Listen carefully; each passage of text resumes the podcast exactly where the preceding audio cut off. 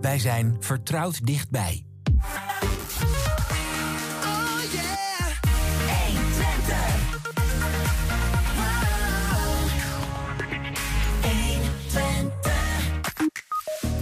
Moet Biep nou verhuizen, hokken met het Wilming Theater, Kaliber Kunstenschool en Metropool of niet?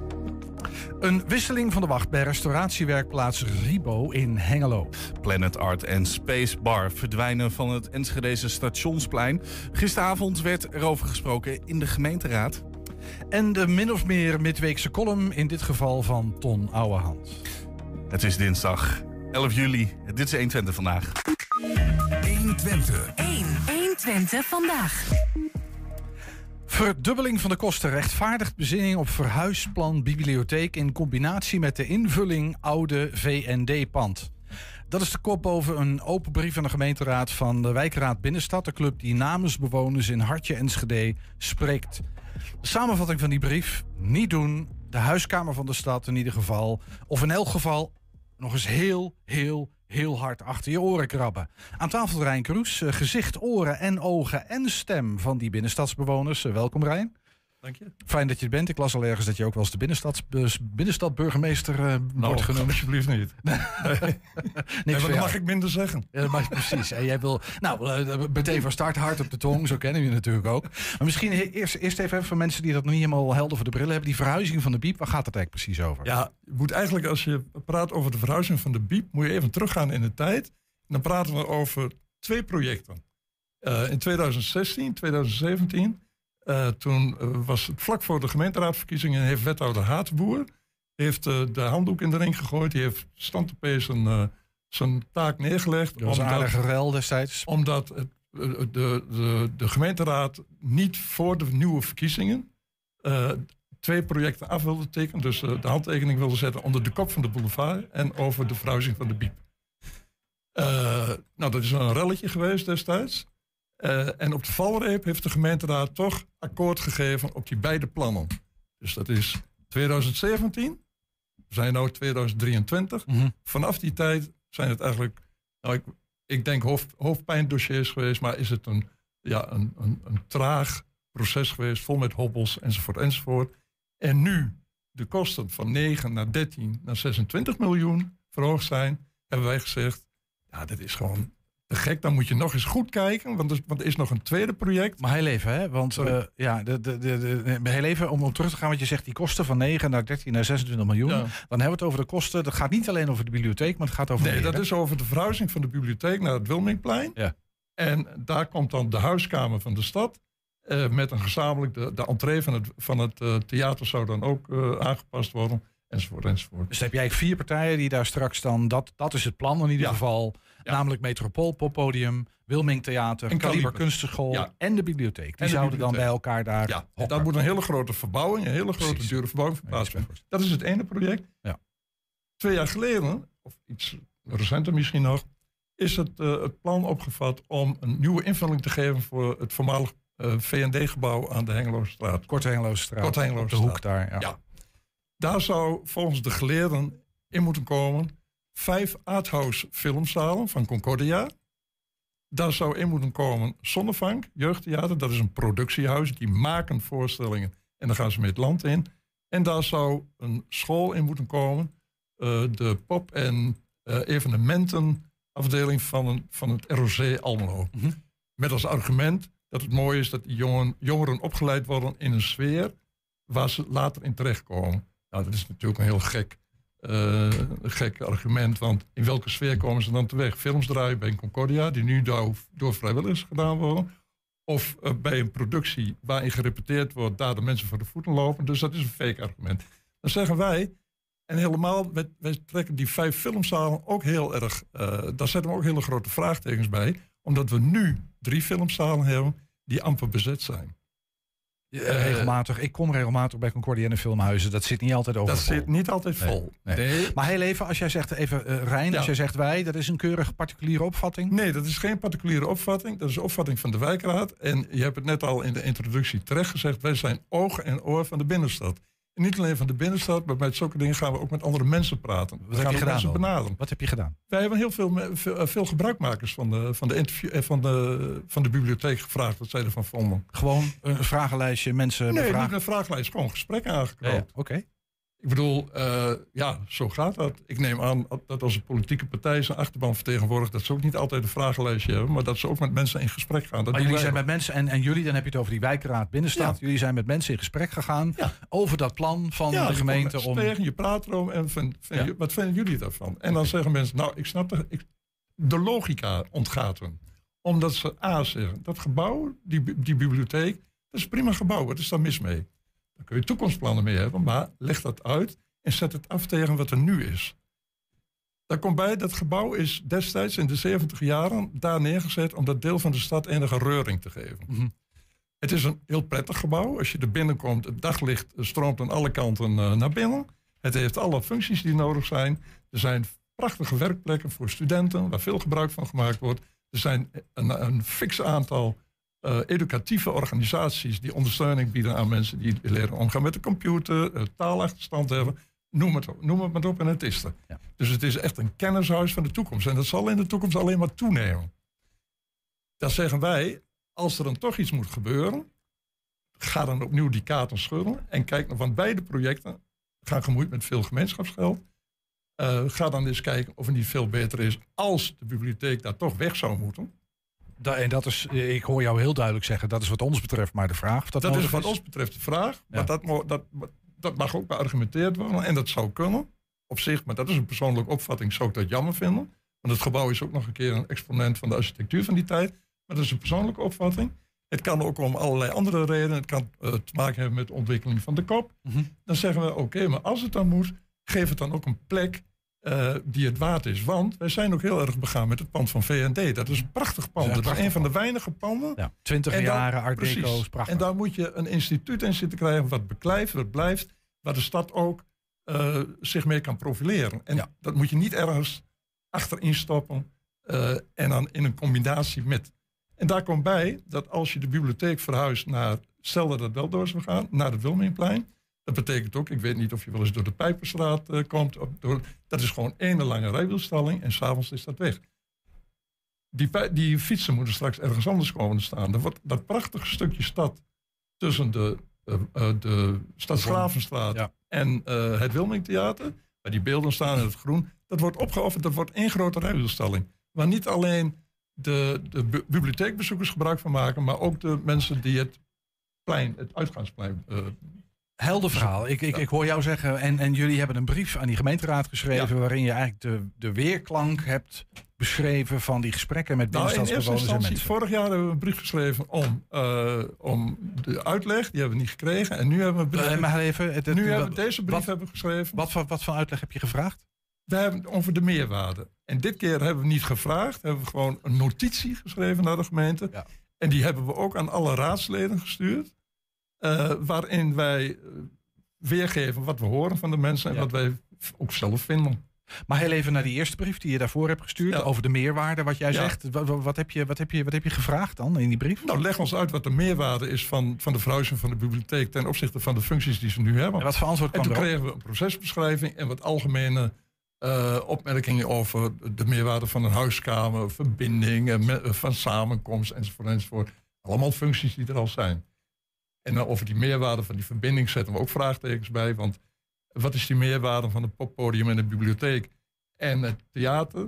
Dan zeggen we wethouder diplomaat, hoe mooi is het straks als de jongeren van het poppodium eh, van, van Metropool door dezelfde ingang gaan als de mensen van de opera. Dan denk ik, nou als jongeren zou ik dat helemaal niet willen. ja, het zijn ja, oké. verschillende bloedgroepen. Ja, eh, snap ik. Maar ehm, eh, de- speelt hier nou ook nog mee dat die exploitatie van het Wilmingtheater eh verbeterd moet gaan worden op de, op de een of andere manier? Of van wordt- Kunstenscholen wordt- van dit soort Nou ja, dat heeft de wethouder eh, tussen de regels aangegeven op de laatste vergadering Stadsdeel Centrum.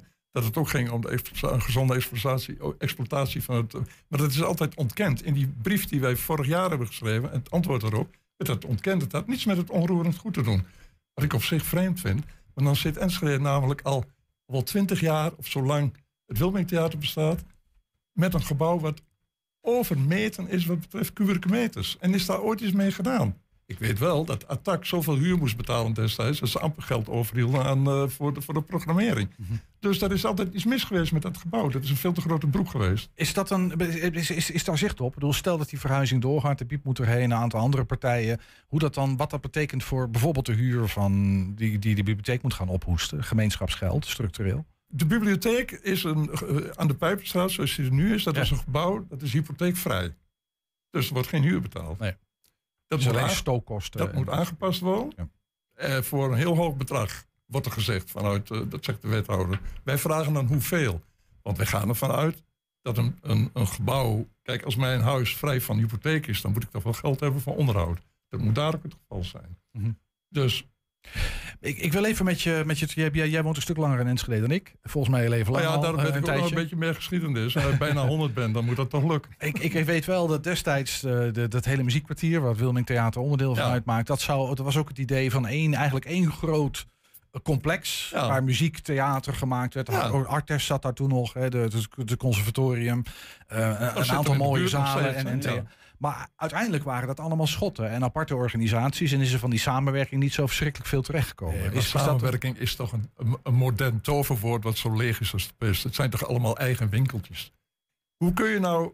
Je kunt samenwerken als er, als er evenementen zijn of als er dingen zijn. Maar verder heb je toch je eigen winkeltje. Maar eh, hoor ik jou daarmee zeggen dat dreigt met dat idee van, eh, van die huiskamer van de stad, dreigt een vergelijkbaar scenario. ja, Is dat je in, in, in theorie zegt van nou leuk, we kunnen samenwerken, maar in, de, Ja. in de praktijk daar weinig van terechtkomt. nou kijk eens naar de horeca. Je kunt toch eenzelfde horeca waar de jongeren van Metropool eh, behoefte aan hebben. Niet mixen met een horeca waar het publiek van het uh, Wilmingtheater eh, behoefte aan heeft. Ja, ik zit even te denken aan Stoet eh, bijvoorbeeld, hè, dat nu bij de bibliotheek zit. Dat is een heel andere anders. uitstraling. Nee, dat is trouwens ook zo gek. Want Jan Hogenberg zei in het interview hier vorige week Mhm. 120. eh, dat is toch wel een beetje naar, groot, naar meer, ruimte, meer ruimte nodig hadden. En, denk, en nog niet zo heel lang geleden is er een heel stuk afgehaald om Stoet eh, meer ruimte te geven. Dus flauwekul. Een beetje drogredenen Mhm. vinden wij het. Oké. Eh, Wat is jullie appel? Want ik wil zo ehm, nog even een ander onderwerp aansnijden ook. Maar wat is, wat, wat, wat, is jullie appel en aan wie is dit appel? Ik denk aan de gemeenteraad dan, hè? Aan de gemeenteraad. En wat is het appel precies? Nou, wij hebben eh, de, de, de argumenten die wij gehoord hebben en die we de opgehaald hebben, heet het tegenwoordig, die hebben we op een rijtje gezet met onze intentie om een zinvolle en verantwoorde eh, bijdrage te leveren aan de besluitvorming. En we hebben niet gezegd hoe het moet, maar we hebben wel de ingrediënten aangeleverd om te laten zien, nou kijk maar. En, Denk, denk hier eens goed over na. Dat is Ja. jullie appel. en wat, eh, waar we heel blij mee zijn, dat is in de laatste raadscommissie eh Stadsdeel Centrum. eh, dat zowel de VVD en als ook andere partijen, dat die allemaal refereren aan, het, aan, de, aan, de, aan die notitie van de wijkraad. Ja. En dat ze daar voor een groot deel wel wat in zien. Misschien Daar heel waren we even heel voor- blij mee. Ja, snap ik. Misschien heel even voor mensen die, die geïnteresseerd zijn. Zeggen van nou, die, die notitie staat in het Binnenstad Magazine, Ja. pagina 16, laatste editie. En dat is online te vinden. Moet je even de website noemen, want dat is een ingewikkelde naam, vind ik. De papieren versies die kun je vinden op de leestafel van de bibliotheek en bij Broekhuis, eh, boek, eh, boekhandel Broekhuis. Mhm. En eh, de, de digitale versie is te vinden op eh, de website van de Stichting Wijkraad Binnenstad Enschede. Dat is SWBE, Stichting Wijkraad Binnenstad Enschede. SWBE. SWBE.nl. Oké, right. Eh, Nog even, eh, wij horen ehm, eh, de afgelopen periode ehm, signalen dat eigenlijk al die partijen die zich zouden moeten verenigen in die huiskamer van de buurt, het, het, het- er klinken signalen dat die partijen zelf eigenlijk helemaal niet meer willen. Zijn dat, komt jou dat bekend voor? Eh, nou, ik zal een leugenaar, ben een leugenaar als ik zeg dat me dat niet bekend voorkomt. Maar ik vind het ook een beetje moeilijk, want soms eh, hoor je ook dingen of eh, hoor je dingen tussen de regels door, krijg je signalen. En om dat te gebruiken, wij blijven eigenlijk liever bij onze eigen argumenten, wat wij vinden, en dan moeten anderen het maar mee doen. Maar ik heb nog geen boze gezichten gezien. Laat ik zo zeggen, van de culturele partijen Dus en de vertegenwoordigers zeggen- die ik tegenkom. En boze gezichten over, nou ja, je maakt ons- jullie waarschuwende vinger van pas op wat je doet. Ik heb wel teleurgestelde gezichten gezien aan de kant, en dat was ook op die raadsdeel, de stadsdeel Centrum, van de partners die eh, de oude VND willen eh, eh, gaan bevolken. Omdat jullie vraagtekens zijn- plaatsen bij die extra een filmzalen en een, dat een soort dingen. obstakel op de weg daar naartoe. Het- ja, tenzij misschien die bibliotheek erin komt en het misschien exploitabel weer een heel ander verhaal Maar wij, wordt. daarom vragen we ook de, de verdubbeling van kosten van de verhuis van de bibliotheek, dat rechtvaardigt een herziening van de plannen. Die moet je in de huidige tijd zien. Mhm. Wat erbij gekomen is, kijk, zes jaar geleden speelde die oude VRD nog niet. Of da- daar was helemaal geen, geen dat is- was nog nooit over nagedacht. Dat speelt nu wel. We denken dat erbij gekomen is en de kosten zijn verdubbeld, is het dan toch niet verstandig? Want het gaat niet om een project van twee, drie jaar. Dat is ook iets wat de stad de toekomst mee moet. En wij zijn niet om zaken tegen te houden. De wijkraad Binnenstad ook niet. Die zijn altijd bezig met hoe kan een stad nog aantrekkelijker en nog bruisender worden.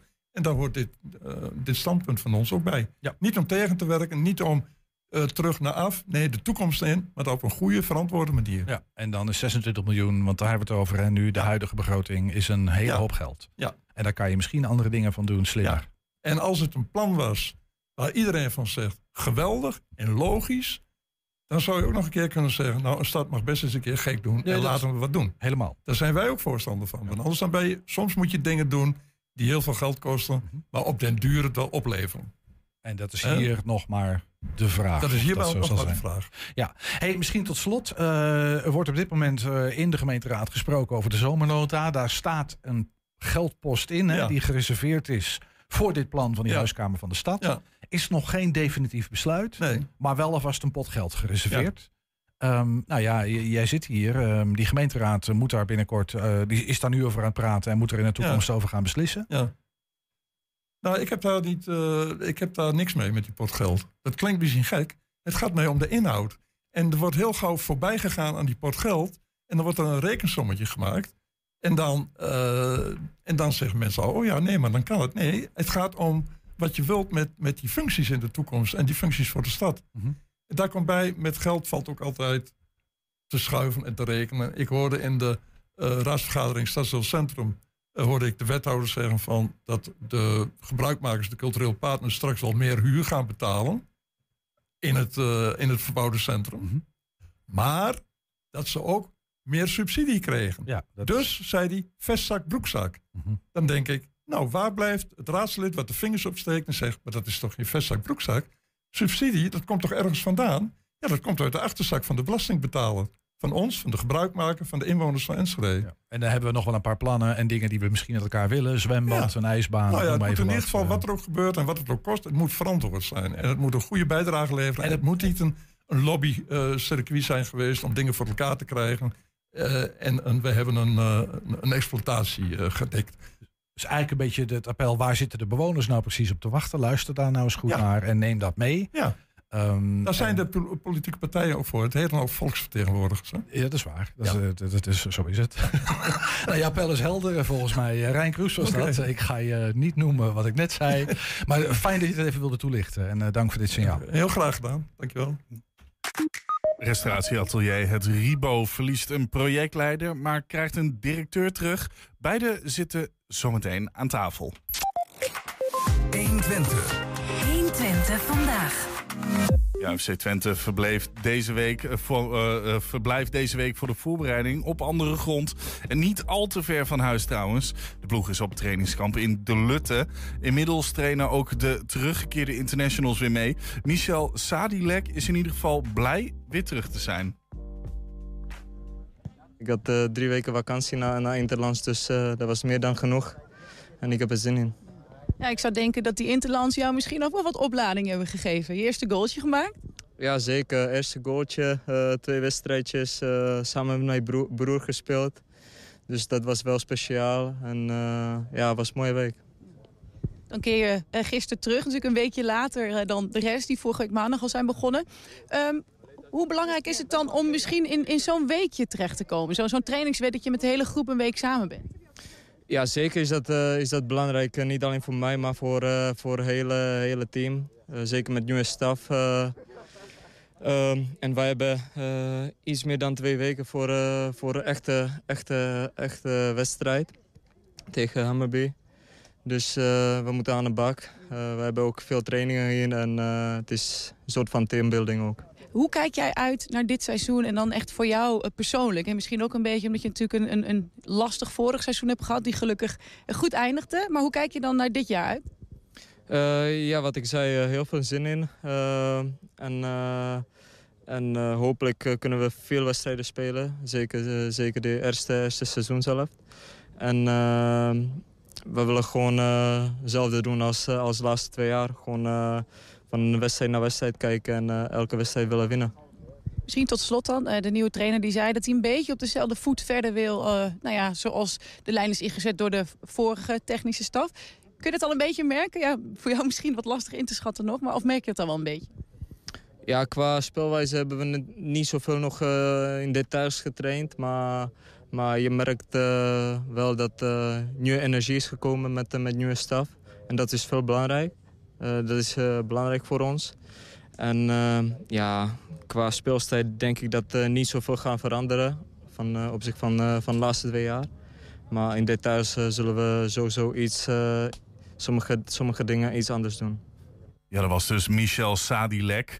Andere speler, Nachi Unuvar, wordt dit, jaar, wordt dit seizoen gehuurd van Ajax. Hij is in de Lutte inmiddels aan zijn tweede week in Twentse dienst begonnen. Ik had uh, drie weken vakantie na, na Interlands, dus uh, dat was meer dan genoeg. En ik Moet ik wel even de goede instarten en niet deze. Maar ik kan uh, het niet zo heel goed lezen, Ernst. Maar, en hij, hij doet het ook niet. Dus ik ben nu aan het kijken of ik het...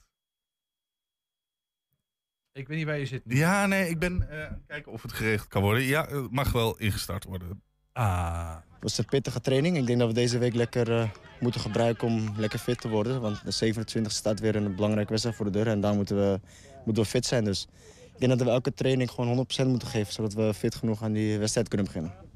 Ja, wat dat betreft is die voorbereidingstijd uh, best wel kort. Uh, als je ziet dat jullie vorige week gestart zijn. Heb je dan het idee dat jullie nu in nou, ruim een week inmiddels uh, veel hebben kunnen doen al? En zo ja, wat dan? Ja, ik denk dat we veel hebben kunnen doen. We hebben gelopen. We hebben heel veel vormen met, uh, met loopwerk erin. Vandaag ook. Intensiteit gaat omhoog. Maar ik denk dat het voornamelijk is dat je met de dag, met de week gaat uitbreiden. Je kan niet natuurlijk gelijk hier beginnen. Dus nee, ik denk dat het nu gewoon elke training is dat we gaan uitbreiden. En steeds fitter moeten gaan worden als team. En ook iedere speler zelf, zeg maar. En ik denk dat dat het belangrijkste is ja, voor nu. Waarom denk jij dat Twente een goede club kan zijn voor jou dit jaar? Nou, ik heb Twente vorig jaar wel redelijk goed gevolgd. Uh, manier van spelen, hoe ze speelden, deze trainer ook wil spelen. Ja, het aanvallende voetbal, de vrijheid die ik vanaf links krijg. Uh, en ook met de fans en met, de, met het stadion, dat trekt mij sowieso. Als je ook kijkt, de fans in het hele stadion, ook achter de goal, dat is, dat is gewoon geweldig. En ik denk dat elke speler wel voor zo'n ambiance wil gaan spelen. Dus nee, ik denk dat het echt uh, dat het mij aantrekt. En ook, wat ik zeg, ook het manier van spelen hier, die intensiteit. En dat is gewoon... Dat is gewoon top. Als je dan een beetje terugleest in jouw geschiedenis... dan eigenlijk door de jaren heen, alle jeugdteams van Ajax... sta je er eigenlijk altijd goed op. Uh, ik zag je ook aanvoerder als jong jochie. Uh, echt een groot aanstormend talent. In hoeverre is het ook soms wel eens zwaar om met zo'n stempel uh, te leven... En, en om dan die stap te maken om dat ook echt in te lossen, zeg maar? Nou, zwaar... Niet per se zwaar, want ja, ik heb het zelf laten zien natuurlijk, wat mensen zeggen. En ja, en dan is het gewoon... Uh, is het gewoon die laatste stap zetten. En wat ik zeg, je wordt al jaren gezien als het talent. En wat ik ook laatst in een andere interview zei... elk traject is anders voor een andere speler. Wat ik zei ook over bijvoorbeeld Rijn Gravenberg of De Ligt. Die zijn op hun 16 al klaar voor de top. En sommigen zijn dat pas op hun 22 of sommigen op hun 20 zitten. Dat verschilt per speler. En ik denk dat dit traject voor mij perfect is weggelegd. En dat ik nu moet gaan laten zien wat ik uh, in huis heb. Ja, dit waren fragmenten uit langere interviews. De volledige items vind je straks op ons YouTube-kanaal. Ja, zometeen. Gisteravond werd er in de Enschedese gemeenteraad gesproken over Planet Art. Ja, je weet wel van Gogbot en Spacebar. En die laatste sloot een dikke week geleden plotseling de deuren. En de rest volgt per oktober. What's happening? 120. 120 vandaag. Doe je ogen even dicht. De geur van hout. Het geluid van hamer en bijtel. Het beeld van mensen die uit iets ouds, iets nieuws maken. Suzanne van der Beukel kan niet wachten om bij het RIBO aan de slag te gaan. Niet in de werkplaats, maar als directeur, projectleider. Hoewel ze het niet durft uit te sluiten dat ze ooit haar handen ook weer even letterlijk zal laten wapperen. Gevraagd of ongevraagd. Suzanne is vanmiddag bij ons te gast. Samen met de man die zij vanaf 1 september gaat opvolgen. En dat is Martin Bellers. Goedemiddag allebei, fijn dat jullie er zijn. Um, misschien even om, voordat we echt in gesprek gaan, een beeld te krijgen van wat dat Ribo nou precies is. We waren vorig jaar geloof ik even ergens bij jullie. Dan even kijken naar een stukje uit die reportage. We zijn hier in de timmerwerkplaats voor de opleiding Technicus Hout en Restauratie. Waar nu de tweedejaars eh, studenten uh, met hun praktijkinstructie aan de gang zijn. Er wordt hier aan verschillende werkstukken gewerkt. Het gaat om het restaureren van de deur tot het maken van een uitslag van een kapconstructie. Uh, houtverbindingen, het maken van deuren, het maken van kozijnen. Uh, herstellen van meubels. Ik heb daar een oude kast aan wat aan gewerkt wordt. Dus eigenlijk allerlei verschillende opdrachten, maar allemaal met hout. Ja, ik zit uh, in het tweede jaar van deze opleiding. En ik ben nu met een bijenstal bezig. Ik loop drie dagen in de week stage en daar leer ik het bouwgedeelte. En ja, hier meer het. Ik ben nu bezig met een pen-en-gatverbinding. Uh, we hebben een beetje een, uh, een impressie, valt ongetwijfeld veel meer over te vertellen. Gaan we denk ik ook doen. Uh, maar misschien eerst even naar jullie allebei. Wat, wat, wat, is het Ribo? Martin, kijk eens even van jou. Wat is het Ribo voor je?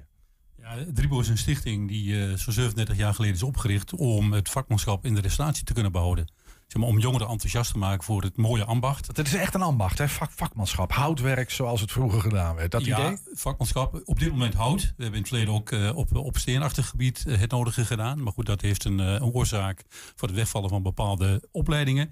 we richten ons nu op hout met een nieuwe opleiding Technische Hout en Restauratie. Een houtbrede opleiding waar nu op dit moment 55 studenten aan deelnemen.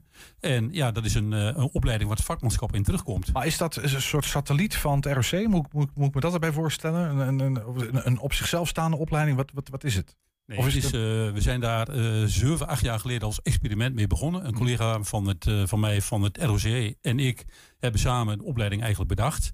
Nou, toen kregen we de mogelijkheid van het ministerie van OCW om een crossover te bedenken. Nou, dat is eigenlijk een, een samenvoeging van lesstof uit meerdere opleidingen. Nou, dat mochten wij als experiment vijf jaar draaien. Nou, na vijf jaar wordt een experiment geëvalueerd en beoordeeld. En daar is eigenlijk vorig jaar uitgekomen dat het een uh, prima volwaardige MBO 3 opleiding is. Mm -hmm. Die dus eigenlijk ook uh, nu als uh, volwaardige opleiding wordt aangeboden op een beperkt aantal scholen in Nederland. Waaronder de ROC van Twente, maar ook Almelo of Arnhem en Zaandam. Klinkt cool. Ik ben, ik ben helemaal gek op hout, houtwerk, houtconstructies. zeker op die oude... Maar is dit nou restauratiewerk in de zin van, nou ja, er is ergens een oude boerderij die moet opgeknapt worden. Jullie maken daar spullen voor? Of is het een opleiding van, we maken projecten, dingen en die doen we ergens in de losse verkoop, weet ik wat we ermee doen.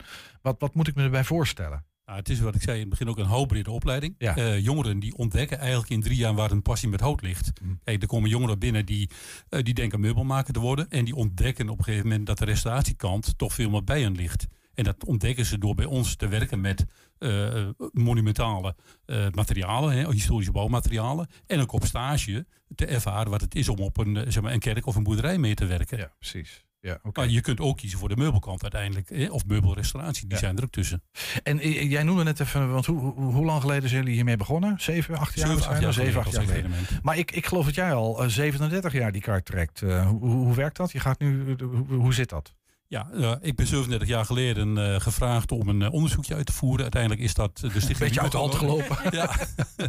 dus dat is de Stichting Liebe geworden een jaar later. ik ben daar projectleider geworden ja. tot, tot nu toe. Maar je zit 37 jaar in dit project, zeg maar in de zin van als het gaat om restauratie, houtbewerking, dat soort dingen. Ja, ik ben 37 jaar, geef ik in principe leiding aan de Stichting Libo, naast een bestuur wat ik heb. Ja. heel wat jaar alleen gedaan en de laatste 20 jaar, sinds we eigenlijk in Hengelo zitten, heb ik ook collega's, omdat we sinds die tijd ook meerdere activiteiten uitvoeren. Ik blijf toch even bij jou, Martin. Ja. Dat, uh, we komen zo meteen echt bij jou aan de bel. Maar, uh, want ik ben heel benieuwd wat er in de jaren veranderd is. Je gaf al aan dat je hebt ook iets met steen gedaan. Maar dat is vanwege het wegvallen van een opleiding. Is dat er niet meer? En überhaupt, die ambachten. bijna 40 jaar hè, is er heel veel gebeurd op het gebied van ambachtswerk, denk ik. Ja, wat, dat wat heb jij zien veranderen? Nou, wat ik heb zien veranderen. Kijk, in onze eigen organisatie zijn we vooral begonnen met het organiseren van allerlei restauratieprojecten. Uh, het, het regelen van uh, de centen daarvoor. Eigenlijk voor de projecten waar een andere eigenaar van was. Mm. En dat hebben we vervolgens uitgevoerd met, met leerlingen. Die dus twee jaar lang een opleiding kregen. Nou, dan ga je elke keer van ronde naar ronde. En op een gegeven moment denk je, ja, het moet ook anders kunnen. Want je moet elke keer heel veel geld regelen om mensen te kunnen opleiden. Nou, we hebben dat in uh, 2000 samen met een aantal andere regio's hebben wij het project restauratieopleidingsproject in Nederland opgezet. Mm -hmm. En hebben wij collega's in alle provincies die werk en opleiding in de restauratie bij elkaar brengen. Nou, wat, wat nog meer verandert, uh, inderdaad zijn acht, negen jaar geleden goede restauratieopleiding op niveau 3 de nek omgedraaid. Uh, het ministerie wilde minder opleidingen. Uh, toen zijn wij eigenlijk als reactie met een nieuwe opleiding begonnen. wat wel kon. Dus dat was op zich wel grappig. En uh, sinds wij in Hengelo zitten bieden wij ook andere activiteiten aan. Onder andere restauratietrainingen. Daar bieden wij aan voor mensen in heel Nederland. Er zijn echte trainingen van 1 tot 3, 4 dagen. Het gaat dan om het maken van knip- en snijvoegen tot het maken van een kapconstructie. En als derde doen wij uh, historische bouwmaterialen. En daar zijn we eigenlijk twintig jaar geleden mee begonnen, omdat wij bij heel veel projecten zagen dat aannemers altijd op zoek waren naar de juiste gevelstenen, eh, de juiste dakpannen, noem maar op. En ja, dat was niet altijd voorradig, want het verdween bij sloop enorm veel.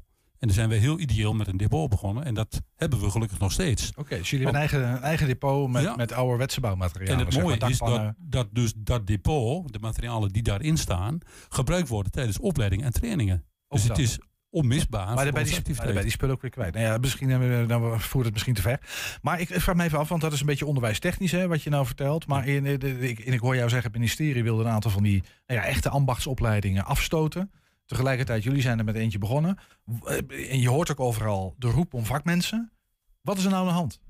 Hebben we nou meer vakmensen nodig of juist niet? Of, of hoe zit dat? Ja, we hebben zeker meer vakmensen nodig. Uh, en met name ook als je kijkt naar reguliere opleidingen, of dat nou bouw of meubel of wat dan ook is. Er is heel veel vakmanschap verdwenen uit al die opleidingen. Mm -hmm. En terwijl uh, de waardering voor het ambacht en voor het vakmanschap juist de laatste jaren veel meer, uh, veel meer aanwezig wordt.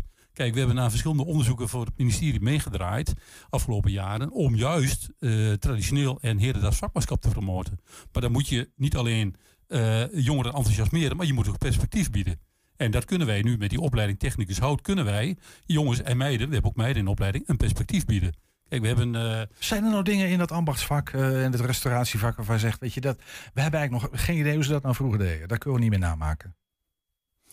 Uh, nou, kijk, je hebt natuurlijk wel, wat je ziet bijvoorbeeld, ik noem maar eenmaal als voorbeeld het maken van knip- en snijvoegen. Ja. Hoe ga je die models maken? Kijk, dat, dat moet je wel kennen. En we hebben daar nog docenten, oh rotten in het vak, die daar ons, bij ons die trainingen komen verzorgen. Ja, Want dat leer je gewoon in, in een messel- of voegopleiding uh, niet meteen. Nee, snap ik. Maar, en, de, maar die, die, eigenlijk is, is die kennis nog allemaal wel aanwezig? Die is nog wel. wat jou zegt, ja. Uh, maar ook de kennis op gebied van hout. Want we bouwen onze nieuwbouw compleet in hout. Daar merken we wel dat de kennis in allerlei, uh, op allerlei niveaus, van, van laag tot hoog, die kennis eigenlijk niet meer aanwezig is. Nee. Nee, dus en dat is wel jammer. En daar zijn we ook mee bezig om samen met andere partijen dat weer uh, in beeld te krijgen. Ja. Ja. Suzanne, ik geef aan jou. Want jij gaat. Uh, Martin heeft. Uh, even misschien erg lang stilstaan. Maar ja, ik ben oprecht geïnteresseerd in. Ja, precies. Jij gaat het van Martin overnemen. Maar dat doe je niet alleen. Dat doe je samen met. Uh, dan moet ik even goed op mijn speakbriefje kijken. Met Erik. Ja. Erik Kloek is dat. Hè? We hebben een foto van het team zoals het er strakjes gaat. Oh, die foto hebben we niet. Zie ik Julian, maar die zou er moeten zijn. Nou, Hadden we jullie kunnen toesturen. Maakt ook niet zoveel uit. Maar uh, Martin heeft het alleen gedaan. Jullie gaan er zo meteen met z'n tweeën doen. Ja, Wat wordt de rolverdeling? Hoe, hoe gaat het werken? En we gaan uh, parttime allebei werken. Dat hm. is het eerste grote verschil. Martin had natuurlijk een fulltime baan. Waarschijnlijk meer dan fulltime, stel ik uh, Ja, precies. En daarom wordt het ook twee parttime banen. Hm. um, en um, ik word hoofd aanspreekpersoon, directeur dan. Um, daarvoor zorgen dat de driehoek goed draait. En ja, Erik wordt coördinator um, training en opleidingen. Ja, waarom beide part-time? Is, is het gewoon te veel voor één persoon? Is, is, is het was eigen conclusie? keuze om graag part-time te willen hm. werken. En ik denk van, van Erik ook. Nee, en het leuke is, je, je kan voor overlap zorgen. En je kan ook de, um, de taken mooi verdelen. En je kan elkaar daar heel goed aanvullen. Dus ik uh, voel daar wel heel veel voor. Ik begreep dat jij al een tijdje ZZP'er bent. Op een gegeven moment. Maar jij bent, de meeste mensen zullen jou kennen omdat je politica bent. Ja. Uh, ChristenUnie in, uh, in Hengelo. Ja, precies. Um, fractievoorzitter. Ja, ja een andere, volledig andere rol. Ja, ja, ja, ja, wellicht. Um, maar jouw belangstelling voor um, historisch erfgoed is al, is al heel oud volgens mij. Hè? Het is mijn beroepsachtergrond. Dat is jouw de, beroepsachtergrond. De politiek is naar iets waar ik natuurlijk dat doe je er een beetje bij. Ja, precies met ingerold ben. Maar eigenlijk de, de basis um, ben ik uh, opgeleid in de, in de restauratie. Ik ben begonnen als kerkorgelbouwer ooit, ik heb in de auto zitten rekenen hier naartoe dat het uh, bijna 30 jaar geleden is geweest. Als kerkorgelbouwer, ja, daar zijn er ook niet veel van. Nee, uh, dat waren toen al niet veel. Nee. En uh, het wordt steeds minder. En dus die, die behoefte om vakmanschap, een oude ambacht eh, te bewaren. Juist ook in die oude beroepen. Maar jij kunt kerkorgels bouwen, heel even voor, Ja. de, voor, voor de helderheid. Ja. En dat, dat is dan het houtwerk of is dat ook de pijpen? is het Eigenlijk allebei. klavier, Dus de ik, hele... heb, ik heb het geleerd, alles. Dus zowel eh, van de mechanica tot de, Ja. de metalen pijpen. Maar als je mij echt vraagt van waar ligt echt jouw hart? Als het, dan was het hout, altijd al. Dus mijn, mijn baas die voelde dat heel snel aan van oké, houtwerk. En dan was er heel, heel snel natuurlijk ook restauratie van oude instrumenten. En eh, dat mocht ik dan altijd doen. Dus ik kwam eigenlijk best wel snel daarmee in aanraking. Ja. Maar moet misschien het verhaal daarvoor vertellen. Want ik ehm, was klaar met eh, mijn schoolopleiding, heb gymnasium gedaan. En ik had altijd zoiets van, ik wil met, met hout werken. Maar hoe dan? Dan denk je richting meubelmaker. En eh, ben dan eigenlijk ook via een stage, en daar liggen dan heel veel lijnen ook, ook bij het RIBO, via een stage bij die opleiding beland. Eerst maar och, in, de, in de vakantie maar even meelopen, even kijken van, ligt mij dat überhaupt? Dus doende ontdekt van, nou, dit vind ik geweldig om, eh, om hier eh, opleiding te volgen. Maar heel even, jij zegt ik heb gymnasium gedaan. Dan bedoel jij gymnasium in de, de, de, Duitse variant, zeg maar. Maar dat is toch gewoon een rationele opleiding. Ja, ja. Gaat om je hoofd. Ja. En jij zei van na de opleiding, nou hartstikke leuk, maar ik wil iets met mijn handen gaan doen. Ja. En dat En- ben je ook echt gaan doen. Ja, dat ben ik ook echt gaan doen. En dat is misschien ook, ehm, denk ik, waarvoor we nu ook hier staan. Heel veel denken van, oh, daar denk je toch aan, ehm, met handen werken denk je heel snel aan, aan MBO, maar hier zit veel, veel meer achter. Eh, veel, veel meer, uh, dat is niet alleen maar uh, de gouden handen en we doen iets met onze handen, want altijd plannen, altijd uittekenen, doordenken van hoe, uh, hoe ga je bijvoorbeeld een zwaluwstartverbinding doen. Dat, die is denkwerk bij nodig. Mhm. En um, nou ja, in de orgelbouw kwam ik dat dus ook volledig tegen. Ja, dat kan ik me voorstellen, ja. En dat geldt natuurlijk voor de, ja, het restaureren van oude objecten is dat niet veel anders. Uh, dat is Ja, heel nauwkeurig.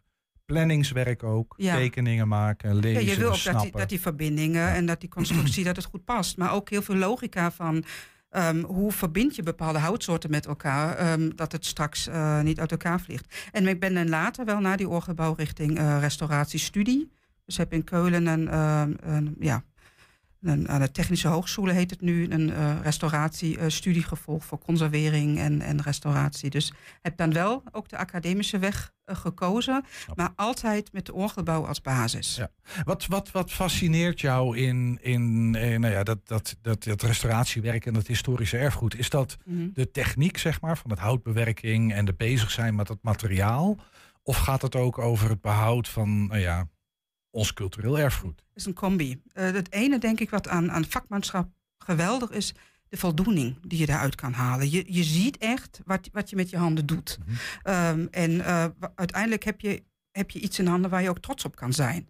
Um, en tegelijkertijd wat ook de restauratie en het behoud van erfgoed vraagt veel meer dan dit. Namelijk goed kijken, waarnemen, um, onderzoek doen voordat je zeg maar, de, de zagen aanzet. Even goed nadenken, oké, okay, hoeveel historisch materiaal haal ik daar eigenlijk af? Kan ik het op een andere manier? Je hebt natuurlijk in, in de afgelopen decennia aan technologie. Wat is er allemaal bijgekomen? En welke technologie ga je inzetten? Maar ik denk ook materialen, toch? Ik bedoel, als jij uh, een, een oude boerenschuur moet gaan restaureren, dan ga je dan niet met nieuwe planken van de gamma uh, aan de slag. Ja, dan... niet, niet echt, nee. Uh, dat is, nee ik, ik kan één voorbeeld benoemen. Ik, ik kwam natuurlijk dan dat over, je leert nieuwe technieken kennen en bijvoorbeeld zo'n hele mooie lamello-verbinding. Ik weet niet of luisteraars het kennen. heb je zo'n freesmachine en we hebben zo'n kleine dingetjes die je daarin zet en dan kan je het heel mooi strak verlijmen. Dat is natuurlijk voor de restauratie no dan. Dus dan denk je van oké, okay, dan ga ik weer met een, met een ouderwetse verbinding Ja. kijken hoe ik dat mooi bij elkaar ga. Ik kijk weer heb ik uh, welke historische lijmen heb ik die ik later weer uit elkaar kan halen. Dan ga je weer met dierlijke lijm werken. Konijnenbotten. Precies, Ja. die stinkt enorm. Mhm. Dus ieder, iedereen zegt van ja, dan geef me mij die, die uit de bouwmarkt, die witte. Maar ja, die kan je nooit meer loshalen. Nee. Dus daar zit wel heel veel fascinatie in het vak. Ja, dus ook gewoon materialenkennis Ja. en weten wat voor houtsoorten je hebt en hoe je die Zeker. en, en wat je nog beschikbaar hebt. Hoe zit dat? Kijken van naar jou, Martin, want dat zal ook een verandering zijn. Hoe ga je vroeger? Oh ja, allerlei tropische hardhout en zo, dat was allemaal niet zo'n probleem. Maar dat is, een enorme, dat is enorm veranderd. Je mag niet zomaar meer alles in je depot hebben liggen, kan ik me voorstellen. Hoe werkt dat? Nee, dat klopt. Maar we hebben ook eh, vooral materialen die uh, ouder zijn dan, uh, zeg maar van voor 1950. En dan mag het wel. En dat zijn in de regel materialen die je gewoon mag hebben. Ja, Ja. ja. oké.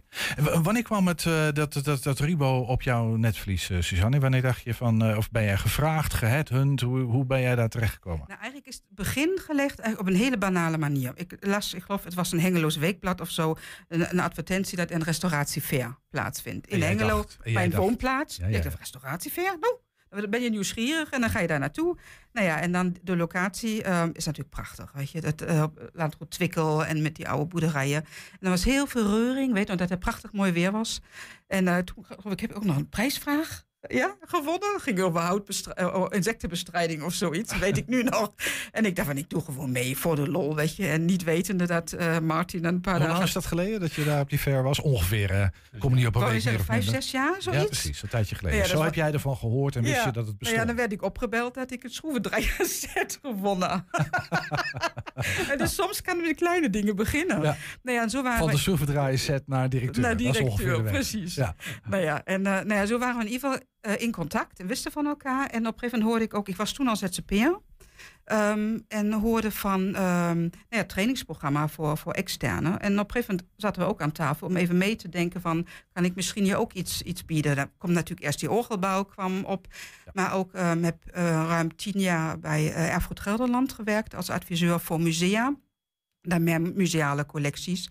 Hoe um, behoud en beheer van, van, uh, van collecties. Dus we waren eigenlijk best wel snel hadden we elkaar gevonden... om inhoudelijk daarover na te denken een cursus gegeven voor uh, historisch interieur, een gastcollege ge een keer gegeven voor, de, uh, voor het ROC-studenten. Nou ja, en zo komt, komt een bij het ander. Ja. Nou ja, en op een gegeven moment viel, uh, viel het woord van um, dat, dat Martin binnenkort met pensioen viel gaat. het woord pensioenfut ja. en toen kwam jij in beeld en zo is het gekomen. Nou, toen werd, werd ik wel benaderd van, lijkt je dat dan ja. wat? Ja. Daar hoefde ik niet lang over na te nee, denken. Nee, precies.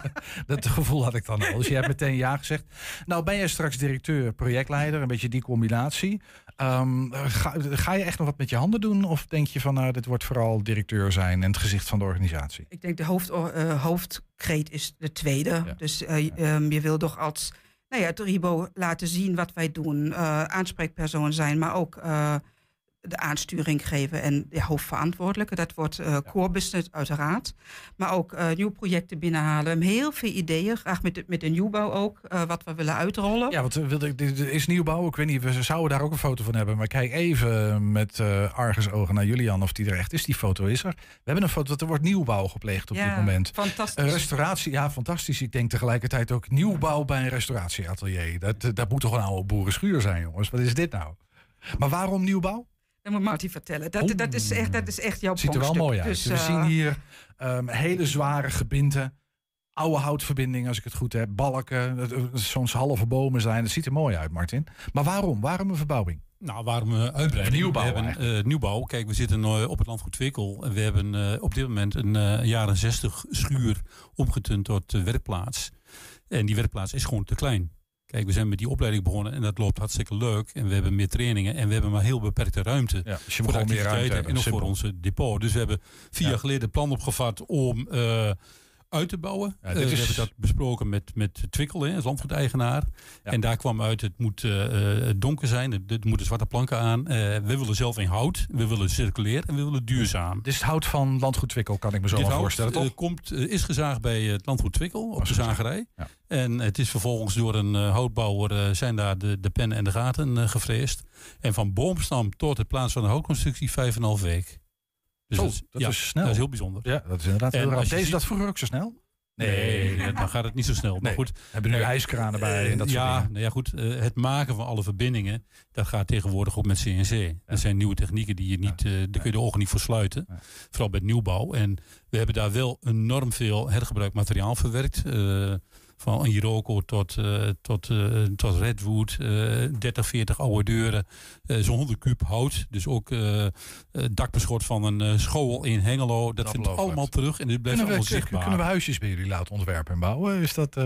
Ja, dat kan. We zijn uh, nu, dat kan echt. we zijn nu bezig met, uh, met verschillende partners, grote bedrijven, constructeurs, UT Twente, UT Eindhoven, Saxion, het RC van Twente, om kennis, uh, de, de kennis over hout terug te brengen in de ja. keten. En eigenlijk en om, om dat circulair bouwen op een andere manier bouwen. Ja, uh, we, om kijk, dat te ons uitgangspunt van we willen ja. circulair. Bij het ontwerp moet je al rekening houden dat je zeg maar, over 50, 60 jaar als uit gebouw niet meer nodig halen, eenvoudig uit elkaar kunt halen. Ja, helder. En dat is een van de uitgangspunten geweest waar we denk ik uh, heel goed in slagen. Ja. En het mooie is, het gebouw kent enorm veel verhalen.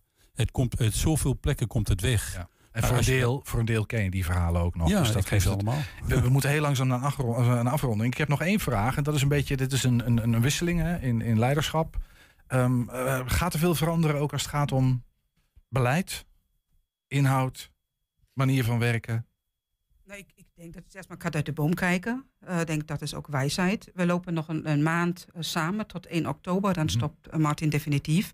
En voor mij persoonlijk is natuurlijk, of überhaupt voor de organisatie is belangrijk, die, die drie hoofdpijlers. Daar gaan we niet aan rukken. Nee. Dat, eh, daar, daar, Dat is je bestaansrecht dat- logisch, maar dat dat, ook, dat definieert het, het RIBO. En alle nieuwe ideeën die daarom al deels uitgewerkt zijn, dat wordt stap voor stap even kijken hoe we dat, hoe we dat toepassen, hoe we dat uitrollen. En samen met het team. Ik hoor het al, zoals een eh waarrestauratie, eh, restaurateur betaamt. Niet overhaast te werk gaan, maar rustig aan. Ja, precies. Martin, tot slot, wat ga jij doen? Want je gaat vast niet achter de geranium zitten, kan me niet Nou, voorstellen. ik heb eh, genoeg te doen thuis. Eh, ik heb een camper, ik heb een hond, ik heb, eh, ik heb van alles. Dus ik ga me Ik hoor het al, je sluit je aan bij de grijze golf. Kom. Nou, dat weet ik niet, maar eh, ik heb genoeg mannen. Dus Ja, ik fijn. vermaak me wel.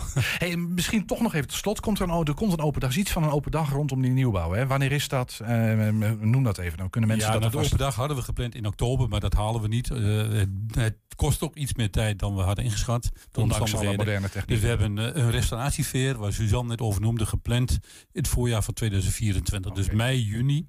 Dan hebben wij een, eh, op een hele mooie locatie, een hele mooie fair, waar mensen ook kennis kunnen maken met onze nieuwe locatie. ben heel benieuwd. En, en de verhalen van, van die spullen daar kunnen horen. Ja, Gaan we allemaal zeker. Ja, hey, hou ons op de hoogte. Dank jullie allebei en heel veel succes de komende weken. Want het, met die nieuwbouw wordt nog even spannend, denk ik. Dankjewel. Bedankt.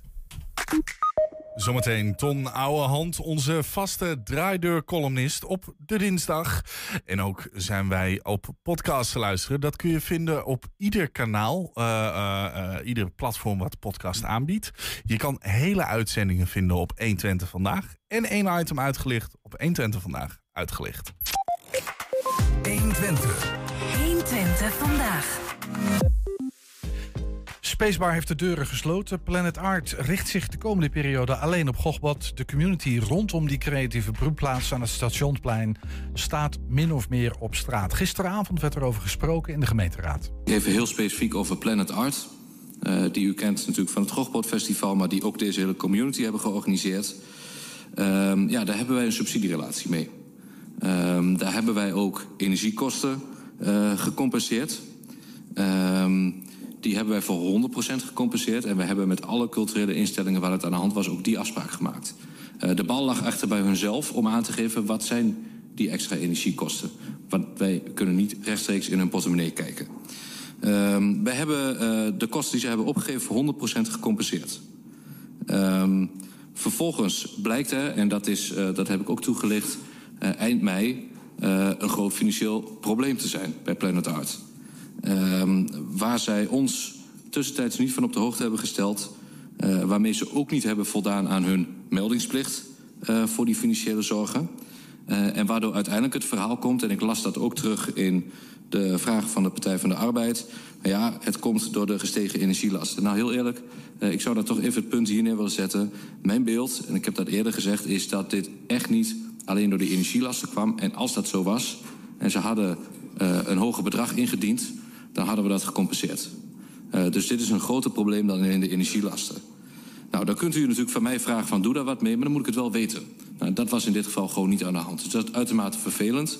Eh, en ik zou ook bij willen zeggen, ik vind dat vooral uitermate vervelend voor iedereen, voor al die eh, individuele creatievelingen die op de een of andere manier daar een plek hadden en hier ook doorgetroffen worden.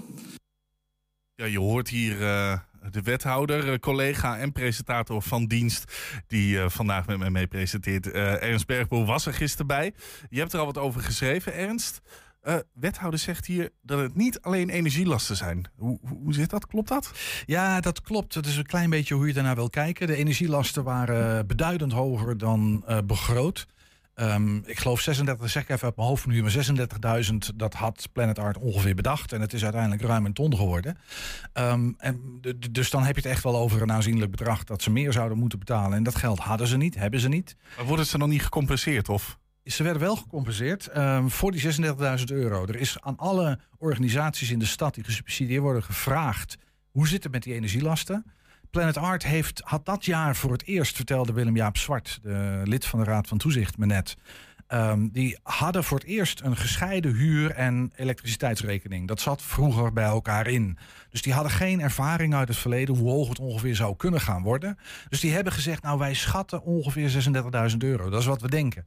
Dat hebben ze gecompenseerd gekregen. Ze zijn er pas in mei achtergekomen, en laat in dit jaar eigenlijk, dat dat bedrag aanzienlijk veel hoger zou zijn. En dat überhaupt de financiële situatie ehm, penibeler was dan ze in de gaten hadden. Dus het was niet alleen energie, het ging ook over andere kosten die ze maakten. Ehm, maar energie maakte er wel onderdeel van uit. En dat is voor een deel gecompenseerd, maar dat extra is dus niet gecompenseerd. Maar als ze dat eerder hadden geweten, had het toch ook eerder gecompenseerd kunnen worden? Want je kan toch geen bedrijf runnen en dan eigenlijk niet echt weten wat er gebeurt? Nou ja, dat is wat, eh, wat, wat wethouder Diepemaat hier ook zegt. En daar heeft hij ook een punt. Dat geeft Willem-Jaap Zwart ook toe. Je moet je alleen realiseren dat eh, Planet Art is een, eigenlijk een soort kunstenaarsclub vroeger. En in 2021, niet zo lang geleden, eh, eh, zijn ze gaan professionaliseren. Dat had met een grote subsidie te maken. Dus er moest een professionele organisatie komen. Die dus ook meer grip heeft op meer geld. Want ze kregen ook meer geld. Nou, zo'n professionaliseringsslag kost tijd. En, in, en, en dan, vallen, dan heb je niet altijd alles in kannen en kruiken aan het begin van zo'n proces. Uh, 2021 is niet zo heel lang geleden. Hè. Leven in 2023. Maar over 2022 hadden ze, hebben ze, ze hebben nog niet helemaal ingericht om grip te hebben op die financiën. Dus ze zijn daar om die reden pas laat achtergekomen. Uh, met als gevolg van oeh, dit gaan we echt helemaal niet redden. We scheren langs het randje van de afgrond. We moeten nu ingrijpen.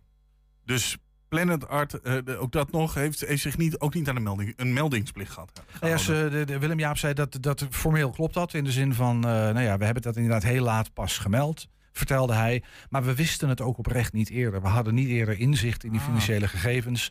Met andere woorden, we hebben dat ook niet eerder kunnen melden. Maar de wethouder heeft wel een punt, dat is wat hij zegt. Voordat we zo meteen naar de, de, de, de column gaan, kunnen we nog één keer kort samenvatten dat het even kort en bondig voor de mensen thuis, want uh, even in wat er plaats heeft gevonden. Aan het Enschedeze stationsplein zit het oude VVD-pand. Ja. Uh, v, ja, VV, zeg ik VVD-pand? Jij zegt VVD-pand. Ja, dat is, het niet, dat is een oude VVV-pand. Daar zit een community van kunstenaars, vooral ja. tech art, uh, een beetje in, in de alternatieve scene, zal ik maar zeggen. Een aantal organisaties heeft daar onderdak gevonden de afgelopen jaren, wetend dat dat tijdelijk was, dat ze daar maar tijdelijk konden zitten. Daar zit een, een creatieve broedplaats. Enschede wil die broedplaats behouden voor de stad. Vinden ze heel erg belangrijk. Ik heb het idee dat ze daar ook oprecht in zijn. Dat willen ze echt. Tegelijkertijd zit daar een spacebar. Dat is een soort uitgaansgelegenheid, zeg maar. Ja. Dat is een op zichzelf staande BV. Um, die, maar die, die hele toko kan niet uit financieel.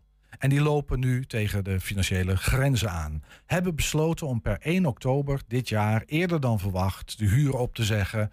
En zich alleen te richten op de hoofdtaken. En dat is gochbot organiseren. En nog een paar dingen daaromheen. Alle andere activiteiten worden afgestoten. Want dat kan gewoon financieel niet uit. Dat betekent dat die clubs die daar zitten, inclusief die Spacebar, geen plek meer hebben. Nou, Spacebar is zich aan het beraden op de toekomst. Die willen in september nog even open rond Gochbot. En ondertussen kijken of er een doorstad ergens op de een of andere manier ja. mogelijk is. Dat is wat Kees de Groot mij vertelde. De directeur van Planet Art en ook van de Spacebar. Ja. Uh, maar die toekomst is vooralsnog onzeker. En de gemeente, nou ja, de, de, de, de, het was laat dat die problemen zichtbaar werden. En, en, ook voor de organisatie zelf. En uh, uh, je, je, hebt, je hebt nog een andere, andere groep, want er, zit, zaten meerdere dingen daar. Die gingen naar de brandweerkazerne. Dat was de sector, als ik het zo goed aan mijn hoofd zeg. Nou, er zijn dus niet de sector. Er zijn drie, ik ga dat niet ingewikkelder maken nee. dan is. Er zijn drie clubjes die nu in dat VVV-pand zitten. Die gaan naar de brandweerkazerne. Uh, die brandweerkazerne is, maar ik, ik, ik ben het aan het uitzoeken dat het precies zit. Maar dat is een behoorlijk groot gebouw. Je zou denken, daar is plaats voor meer. Um, maar dat is op dit moment nog niet duidelijk uh, okay. hoe dat verder gaat. Dus dat uh, wordt vervolgd. Hou onze website en onze nieuwsberichten daarover in de gaten. Top, dankjewel Ernst. Jo. Heb je een tip voor de redactie? Mail dat dan eventjes naar redactie.120.nl 120. 120 vandaag. Ja, dan gaan we naar de afsluiting van vandaag. Dat is een nieuwe oude hand. Het was Marijn oude hand van de PvdA die vraag over Planet Art en Gochbot en zo stelde. Dat is een neef van jou, hè? Dat is een neef van mij. Een volle neef. Ja. Uh, bloed, bloed. Ook, ook, ook, ook muzikant? Ook muzikant. Houdt, houdt hij ook van jazz? Hij houdt ook van jazz, ja. ja maar dan, dan heeft hij de feest deze maand. Het is jazzmaand, ik weet het. Ja. ja. De jongens zijn goed opgevoed in jullie familie. Ja, ja, alles gaat over jazz. Ja, ja zeker. Behalve Planet Art gaat nog niet over jazz. Maar het, je ziet ook wat het... Uh... oh, het, is, het, het, is een beetje hoe je jazz wil definiëren. ja, oké. Okay. Ja. Tom uh, oude hand aan tafel met de afsluitende column voor vandaag. Ja, en die is getiteld Albert Heijn opent de aanval op zijn vaste klanten. Natuurlijk, ik hoor die spotjes ook wel. Dat het bij de Jumbo leuk boodschappen doen is. Ook online. Maar dat zegt Leo Alkemade. Dat is een comedian die blijkens andere reclamespotjes ook ontzettend kan genieten van gruwelijke vakantiebestemmingen. Met een ingehuurd kind dat ergens zin in, in heeft.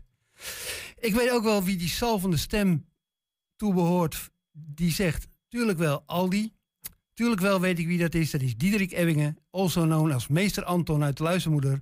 Oftewel de presentator van Promenade en Kiespijn. Allemaal leuke programma's, maar geen man van wie men een boodschappenadvies serieus moet nemen. Toen de grootste helft van Agda en de Munnik bij de Lidl ging werken, begreep ik al dat ik op supermarktgebied gewoon mijn eigen koers moest varen. Nou ja, dat deed ik dus al. Ik kom al sinds jaar en dag bij Albert Heijn. Niet vanwege de steunkleur blauw, die hebben ze bij de Aldi ook wel, maar omdat ze goed zijn in zegeltjes. Zegeltjes, dat is het lekkere van Albert Heijn. Daar ben ik een behoorlijke liefhebber van. Albert Heijn zegeltjes spaarde ik al ver voor de komst van de euro. Ik plakte al zegeltjes in de tijd dat de boekhouder van mijn vader me al waarschuwde dat dit soort sparen me veel te weinig rente opleverde. Drie gulden winst als je 49 had geïnvesteerd. Maar dat maakte mij niet uit. Ik spaarde namelijk helemaal geen zegeltjes als belegging. Ik spaarde omdat ik het leuk vond. Toen ging Albert Heijn nog een keer op de kleintjes letten. Mooi, dan konden de ouders boodschappen doen. En later bleken de kassabonnen een hoger bedrag aan te geven dan de opgetelde bedragen voor de boodschappen. Best creatief. Maar daar kom ik niet voor. Ik heb altijd gewinkeld bij Albert Heijn voor de zegeltjes. Thuiskomen met een tas vol boodschappen en een enorme sliert koopzegels. Die ging ik vervolgens in het spaarboekje plakken. Volgeplakte zegelboekjes gingen in een la. En vlak voor de vakantie ging ik met meestal een stuk of vier, vijf, soms wel zes van die boekjes naar Albert Heijn. En daar had ik de heenreis al gefinancierd. Toen de euro de, de gulden verdrong, werd het spaarsysteem niet anders. De zegels, de boekjes, het ging allemaal gewoon door. Ik was voor vakantie heenreis niet meer afhankelijk van spaarboekjes, maar ik spaarde gestaag. Een volboekje bleek ook een aardig cadeau voor bruiloften en op Sinterklaasavondjes. Althans, dat vond ik. Albert Heijn dacht er anders over. Die schafte een paar jaar geleden het spaarsysteem ineens af. Je kon nog spaarzegels sparen, maar alleen digitaal, via de app. Handig vonden ze dat. Maar voor mij was de lol eraf. Je gaat op een Sinterklaasavond niet als je gedicht is voorgelezen bij wijze van bijbehorend presentje je telefoon omhoog houden. Ik had op dat moment gewoon moeten stoppen met die hele Albert Heijn. Maar er zijn nog wel wat andere spaarsystemen die naar me glimlachten. Al waren het geen zegels, maar stickertjes. Als je genoeg had besteed, kon je stickers krijgen waarmee je goedkoop huisraad kon bij elkaar kon sparen. Daar heb ik me obsessief op gestort. Wij hebben nu thuis extreem veel wijnglazen, longdrinkglazen, karrevrachten bestek, enorme hoeveelheden keukenmessen, handdoeken, theedoeken, onderzetters, kookpannen, braadpannen, ovenschalen, dekschalen, keukenhandschoenen, kleine borden, grote borden, platte borden, dievenborden, kopjes, schoteltjes, taartvolletjes, dessertlepels, placemats en kookboeken. En ook dat was grappig sparen. Ik had soms nog volle spaarkaarten van artikelen die al meer dan een jaar uit het assortiment waren. Maar die leverde ik gewoon de volgende actie weer in. En dat is het lekkere van Albert Heijn. Geen medewerker die het verschil zag. Vol goede moed en met de gebruikelijke gretigheid zou ik aan een nieuwe spaaractie beginnen. Het gaat om tuinservies, gemaakt van PFAS. Zo oogt het tenminste. Ik weet wel dat PFAS ongezond is, maar ik vond die denkfout van Albert Heijn zo gezellig. Zij gaan ervan uit dat als je servies in de tuin gebruikt, je dat meestal gelijk uit je handen laat vallen. Buitenservies kan dus maar het beste gemaakt worden van onbreekbaar materiaal. Volgens mij is dat een onbewijsbare redenering. Ik laat buiten gewoon net zoveel uit mijn handen vallen als binnen. En buiten gaat het ook net zo kapot als binnen. Dus waarom voor buiten anders servies? Maar leuk toch, weer stickers sparen. Daar vraag ik dus om bij de kassa. Mag ik zegeltjes?